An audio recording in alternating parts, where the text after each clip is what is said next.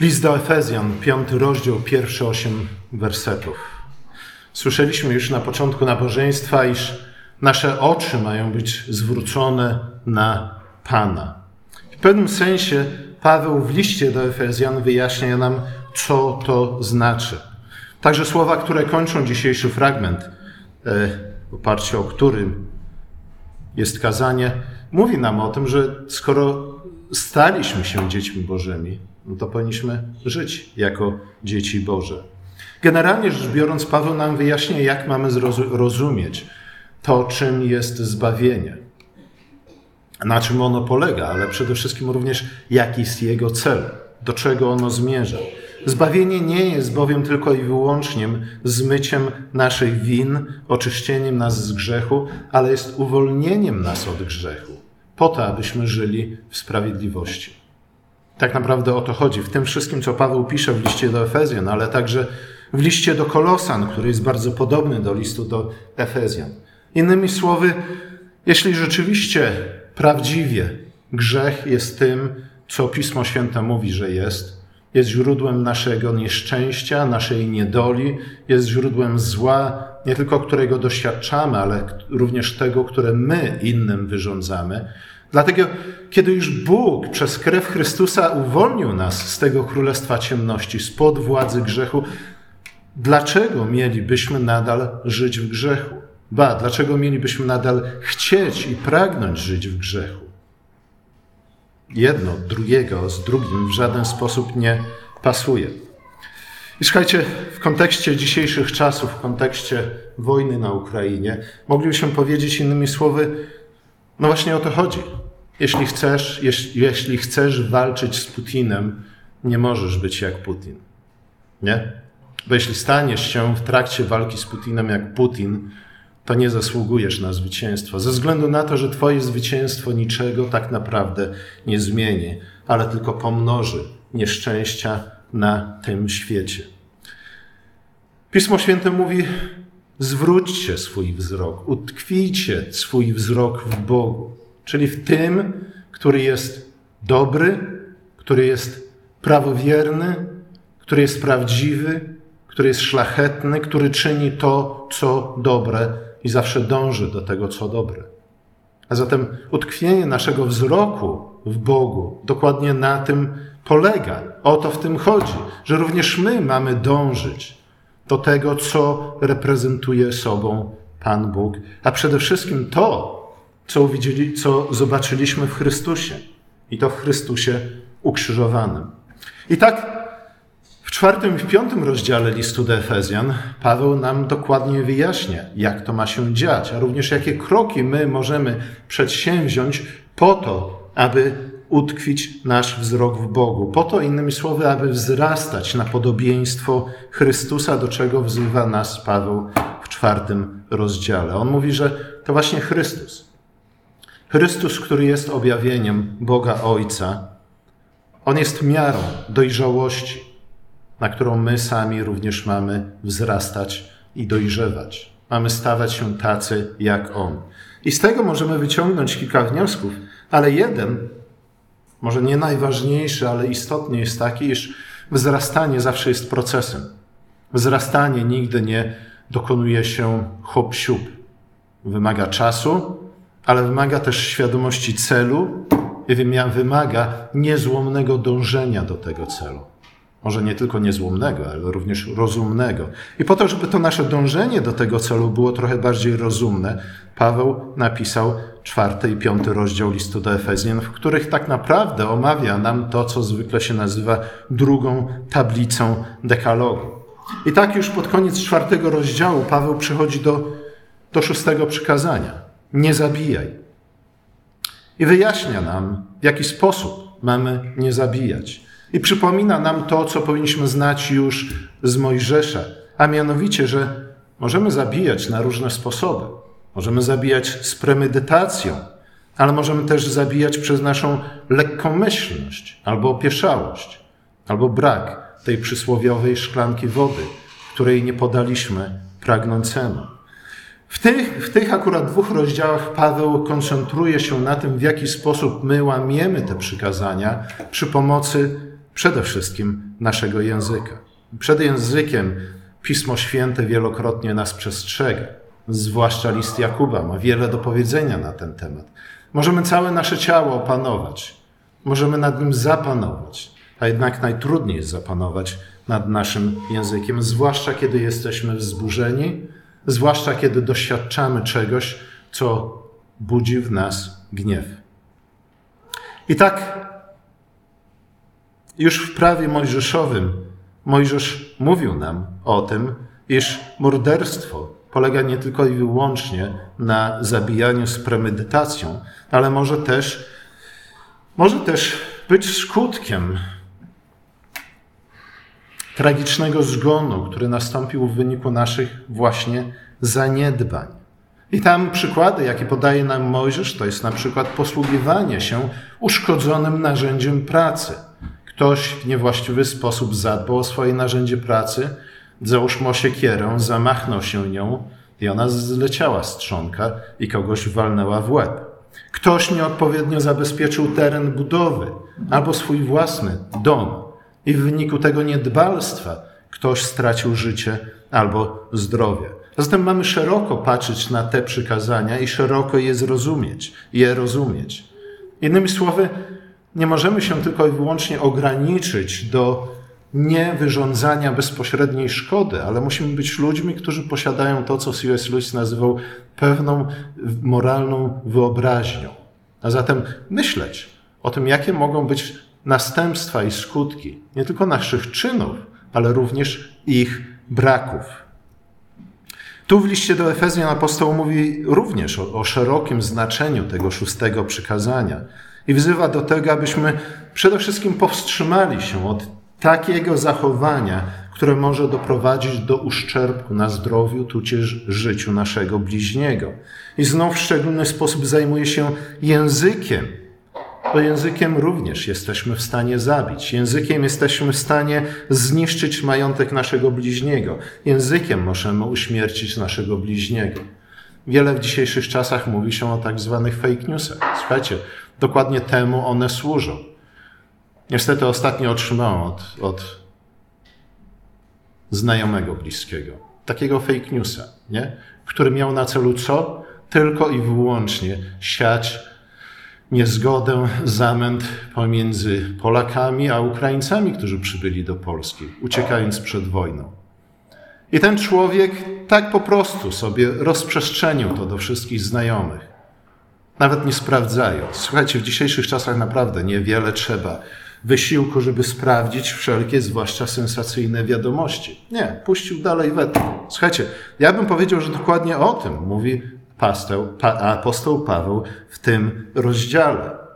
Nie siejcie nienawiści poprzez rozprzestrzenianie niesprawdzonych wiadomości. Paweł dokładnie pisze, wszelka gorycz i zapalczywość, i gniew, i krzyk, i złorzeczenie, tudzież oszczerstwo, jak moglibyśmy też to słowo tłumaczyć, niech będą usunięte spośród was z wszelką złością. Bądźcie jedni dla drugich uprzejmi, serdeczni, odpuszczając sobie nawzajem, jak i wam Bóg odpuścił w Chrystusie. Bądźcie naśladowcami Boga jako dzieci umiłowane. Widzicie, tu znów jest ta myśl, nie? Jeśli rzeczywiście chcemy cieszyć się w pełni ze zbawienia, jakie otrzymaliśmy w Chrystusie, to powinniśmy być naśladowcami Boga. Bo znowu, zbawienie polega nie tylko i wyłącznie na uwolnieniu nas od win, na wyczyszczeniu naszego konta rachunku win i grzechów, ale przede wszystkim na tym, byśmy stawali się coraz bardziej podobni do Boga, który jest dobry i prawdomówny i wierny. Bądźcie naśladowcami Boga jako dzieci umiłowane i chodźcie w miłości, jaki Chrystus umiłował was i siebie samego, wydając za nas jako dar i ofiarę Bogu ku miłej wonności. Paweł, opisując złą postawę, odnosi się, nie odnosi tych wszystkich przykładów do jednej osoby. Moglibyśmy powiedzieć, że zbiera tutaj w jedną całość wszelkiego rodzaju postawy, które właśnie prowadzą do zabijania bliźnich przy pomocy języka. Z jednej strony widzimy zgorzknienie, widzimy krzyk, widzimy zapalczywość, I to odnosi się do osoby, które najczęściej bezpośrednio reagują gniewem, irytacją na jakąś sytuację, która nie odpowiada ich oczekiwaniom. Ale jeśli już mówi o oszczerstwach i o złośliwościach, czy też złości, to mówi tutaj bardziej o ludziach pamiętliwych, którzy nawet jeśli powiedzą, iż tak, wszystko między nami już jest dobrze, e, z opóźnieniem, po latach czasami okazują frustrację, gniew. Czasami potrafią wypomnieć coś nawet po długim czasie. Mówimy tu o ludziach pamiętliwych. Ludziach pamiętliwych, którzy muszą czasami nawet przez lata albo i przez całe życie żyją tak naprawdę jedną myślą, nie? krzywdą, której doświadczyli. Rzeczywiście, albo w sposób wyimaginowany. Ale jedno i drugie, czy to jest jakaś bezpośrednia, nieusprawiedliwiona złość, a może i nawet usprawiedliwiona złość, która jednak przyczynia się do pomnożenia krzywd i zła i grzechu w tym świecie, albo z drugiej strony pamiętliwość, kiedy my przez lata wbijamy przy każdej możliwej okazji szpilę temu, który nas skrzywdził. Prawdziwie, albo w sposób wyimaginowany. Jedno, jedna i druga postawa jest napiętnowana przez apostoła. Ale Paweł nie ogranicza się tylko i wyłącznie do napiętnowania grzechu, ale przede wszystkim skupia się na lekarstwie, na tym, w jaki sposób możemy uwolnić się od takich postaw i od takich czynów. Co powinniśmy czynić, żeby nie tylko nie grzeszyć, ale żeby żyć sprawiedliwie. I Paweł mówi: Słuchajcie, najprostszym sposobem na to, żebyśmy nie grzeszyli i nie mnożyli krzywd w tym świecie, nie mnożyli zła w tym świecie, to sprawiedliwe postępowanie. W tym przypadku mówi życzliwość i wyrozumiałość. Moglibyśmy powiedzieć wielkoduszność, nawet w stosunku do tych, którzy wyrządzili nam jakieś krzywdy. I mówi: Słuchajcie, ponieważ dokładnie w ten sposób Pan Bóg traktuje nas w sposób łaskawy i miłosierny, w sposób ze wszechmiar wielkoduszny. Nie przeskakuje od razu do wniosków. Panuje nad swoim świętym i sprawiedliwym gniewem i okazuje go w sposób dobry, mądry i rozumny we właściwym czasie. I Paweł mówi, słuchajcie, koronnym przykładem tego, czy też świadectwem, że tak właśnie Bóg postępuje, jest krzyż.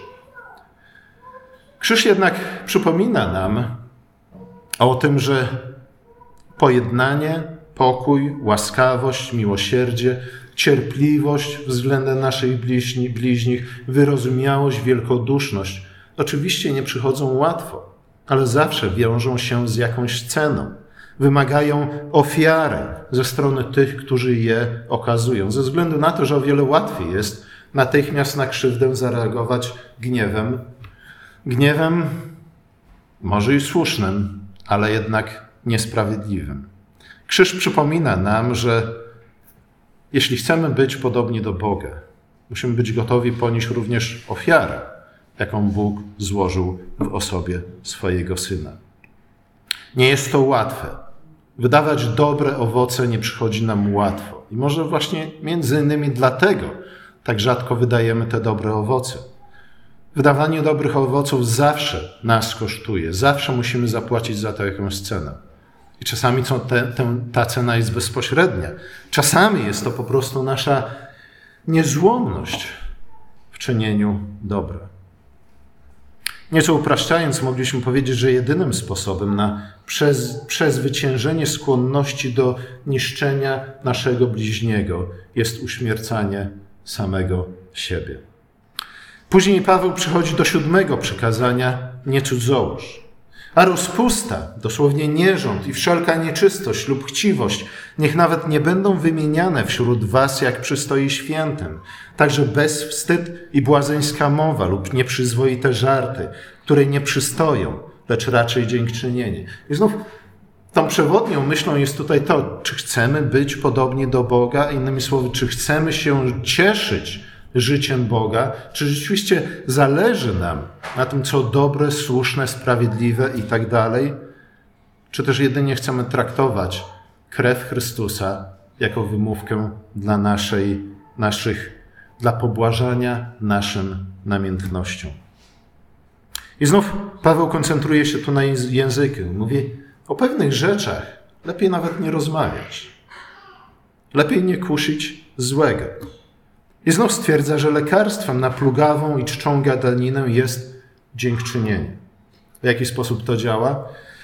Ponieważ Paweł mówi o siódmym przykazaniu, nie cudzołóż, dlatego moglibyśmy przedstawić taki przykład. Jeśli mąż cieszy się swoją żoną, raczej nie będzie pożądał żony bliźniego. Nie będzie zawistny o żonę swojego bliźniego. Innymi słowy, najlepszym lekarstwem na to, aby nie wstąpić na drogę cudzołóstwa, jest po prostu kochanie swojej żony, cieszenie się swoją żoną, dziękowanie Bogu za swoją żonę. Ponadto Paweł przestrzega nas przed takim sposobem rozmawiania o tych sprawach, który raczej sprzyja rozpuście, rozpuście niż ją ogranicza. Mógłbym podać wiele przykładów, ale są nieletnie, więc nie będę. Domyślicie się o co chodzi. Jeśli ktoś ma problem na przykład z pornografią, to dlaczego non-stop zagląda na strony pornograficzne? To mu na pewno w niczym nie pomoże. Jak już mówiliśmy przy okazji omawiania tego fragmentu na godzinie biblijnej, ale też przy innych okazjach, słuchajcie, jeśli masz jakiś problem, żeby kontrolować swoje namiętności akurat w tej sferze, poproś kogoś o pomoc. Ba, niech ktoś zainstaluje na Twoim telefonie i komputerze, e, jak to się nazywa, nadzór rodzicielski, żeby miał dostęp i mógł sprawdzić. Słuchajcie, zdziwicie się, jak wielce jest to pomocne. Paweł gdzie indziej mówi, złe rozmowy psują dobre obyczaje. I tutaj też mówi, słuchajcie, uważajmy na to, nie tylko o czym rozmawiamy, może nie powinniśmy mówić, że nie wolno nam o niczym rozmawiać, ale raczej w jaki sposób o tym rozmawiamy. Podobnie ma sprawa się z żartami. Nie mówi, nie żartujcie w ogóle nigdy z niczego, nie oglądajcie komedii, bo to przywiedzie was do zła. Nie, nie o to chodzi apostołowi. Apostoł nie mówi, że żarty czy też humor w ogóle nie przystoją chrześcijanom. Sa samo Pismo Święte mówi o tym, że Pan Bóg śmieje się z głupców. Księga Przypowieści, pierwszy rozdział, zaraz na samym początku. Jedna z przewodnich myśli tej księgi. Pamiętamy o Eliaszu, o którym dzisiaj też już czytaliśmy, w jaki sposób potraktował proroków Baala, którzy przez cały dzień modlili się, nacinali, pościli, po to, żeby w końcu obudzić swojego Boga, żeby chciał wysłuchać ich próśb. W słowach Eliasza było bardzo wiele ironii. No i niewątpliwie ironia może być bardzo skuteczną bronią w walce ze złem. Czasami jednak mamy wątpliwości, czy jakiś żart albo kpina jest na miejscu. W tym punkcie, w tym momencie może warto się w związku z tym na chwilę zatrzymać i zastanowić, czy na przykład dany żart rzeczywiście piętnuje to, co piętnuje na przykład Księga Przysłów. Czy piętnuje kradzież, głupotę, rozpustę, brud, lenistwo, niedbalstwo. Jeśli tak, ja bym powiedział, opowiadajmy sobie takie kawały, żartujmy sobie z takich postaw, a czasami może nawet z takich ludzi. Ale z drugiej strony, jeśli jakiś żart podkopuje to, co moglibyśmy nazwać e, biblijnym czy też chrześcijańskim etosem, może powinniśmy jednak stronić od tego rodzaju żartów. Nie wszystko jest śmieszne, co nas śmieszy. Nie? Pamiętajmy o tym. W końcu Paweł przechodzi do dziesiątego przykazania, które mówi nie pożądaj. To wiedzcie na pewno, pisze, iż żaden rozpustnik albo nieczysty, albo chciwiec, to znaczy bałwochwalca, nie ma udziału w Królestwie Chrystusowym i Bożym. Niech was nikt nie zwodzi próżnymi słowy. Z powodu nich bowiem spada gniew Boży na nieposłusznych synów. Apostoł mówi, że chciwość jest równa bałwochwalstwu. Dlaczego akurat bałwochwalstwu? Ze względu na to, że pożądanie, chciwość, o którym tu jest mowa, polega na pragnieniu kogoś albo czegoś bardziej niż na pragnieniu samego Chrystusa i Jego Królestwa. Jeśli pożądam cudzej żony, cudzej pozycji, cudzego majątku, to stwierdzam, że są one dla mnie ważniejsze, przedstawiają dla, dla mnie o wiele większą wartość niż Królestwo Boże. Innymi słowy, nie zależy mi ani na dobru, ani na prawdzie, ani na pięknie, ani na tym, co szlachetne i godne pożądania, ze względu na to, że to wszystko jestem gotów stracić, zaprzepaścić, jak Eza Eza w swoje pierworództwo za miskę zupy. Jeśli jestem gotów zaryzykować utratę dziedzictwa, jakie otrzymałem w Chrystusie, o którym Paweł pisze już w pierwszym rozdziale tego listu, po to, aby posiąść to, co mi się nie należy, do czego nie mam prawa, co nie jest moje, to znaczy, że zależy mi bardziej na zaspokojeniu moich porządliwości, moich namiętności tu i teraz, niż na Królestwie Bożym, które oczekuje mnie w przyszłości. Innymi słowy, jak Paweł pisze w jednym ze swoich listów, to oznacza, że moim Bogiem nie jest Chrystus, ale moim Bogiem jest brzuch. Ale to oznacza, że ja nie jestem również Panem swojego życia, ze względu na to, że oddałem kontrolę nad moim życiem, nad moim zachowaniem, nad moim postępowaniem, nad moim sercem i nad moją duszą, tym namiętnościom, przy pomocy których szatan pociąga jak za sznurki. Z drugiej strony, pożądanie jest także wyrazem braku satysfakcji z tego, co posiadam, lub też niewiary w to, o czym Paweł pisał w pierwszych trzech rozdziałach listu do Efezjan. Ilustracją takiego zachowania jest Dawid. Dawid, który, jak to się mówi, wdał się z Batrzebą. Znamy tę historię.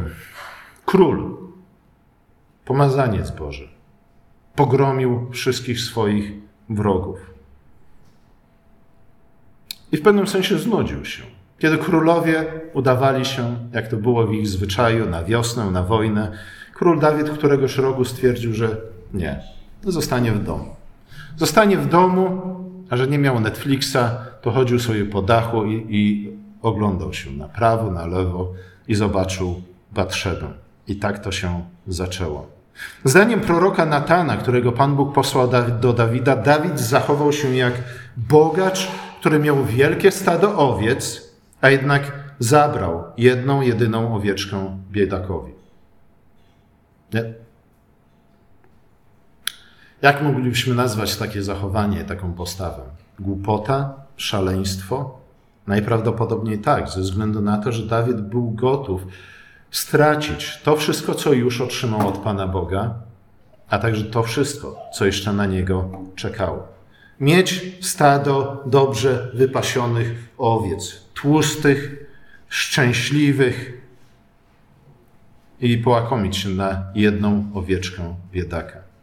Takie, ludz, takie jest niestety ludzkie serce. W tym przyjawia się nasza moralna głupota, że dla zaspokojenia grzesznego pragnienia gotowi jesteśmy zaryzykować wieczność. Gotowi jesteśmy zaprzedać nasze dusze. A cóż człowiek ma, jak pyta Jezus, cenniejszego niż własną duszę? Co może dać po to, żeby ją wykupić? A my niestety, ze względu na chwilowe tak naprawdę usatysfakcjonowanie naszych namiętności jesteśmy w stanie, jesteśmy gotowi kupczyć nawet naszą duszą i naszą przyszłością. Jezus mówi wielokrotnie o tym, jaka jest wartość królestwa w przypowieściach o perle, o skarbie zakopanym w roli. Mówi, taka jest wartość królestwa, że powinniśmy być gotowi poświęcić dla niego wszystko. I znów, czym jest królestwo? Królestwo to dobroć. Królestwo to prawda. Królestwo to sprawiedliwość. Królestwo to piękno. Bez niego nie będziemy się cieszyć żadną z tych rzeczy. A jednak znów, nie? Jak te dzieci w tym teście marshmallow, chwytamy od razu za tą jedną piankę po to, żeby ją pochłonąć tu, teraz, niezależnie od tego, jakie to będzie miało konsekwencje w przyszłości. I znów Paweł mówi, jakie jest lekarstwo na tę chorobę naszej duszy na zawiść. Mówi, przede wszystkim od czasu do czasu warto przypomnieć sobie, o co w tym wszystkim chodzi. Co jest tak naprawdę stawką w tej wojnie. Innymi słowy, Warto przypomnieć sobie o dziedzictwie, jakie mamy w Chrystusie. O tym, że w Nim Bóg dał nam wszystko, wszelkie duchowe błogosławieństwo niebios, wraz z wszelką mądrością i roztropnością oraz bogactwem chwały Bożej. I słuchajcie, to o czym tutaj Paweł mówi, nie do końca jest do, dla nas zrozumiałe.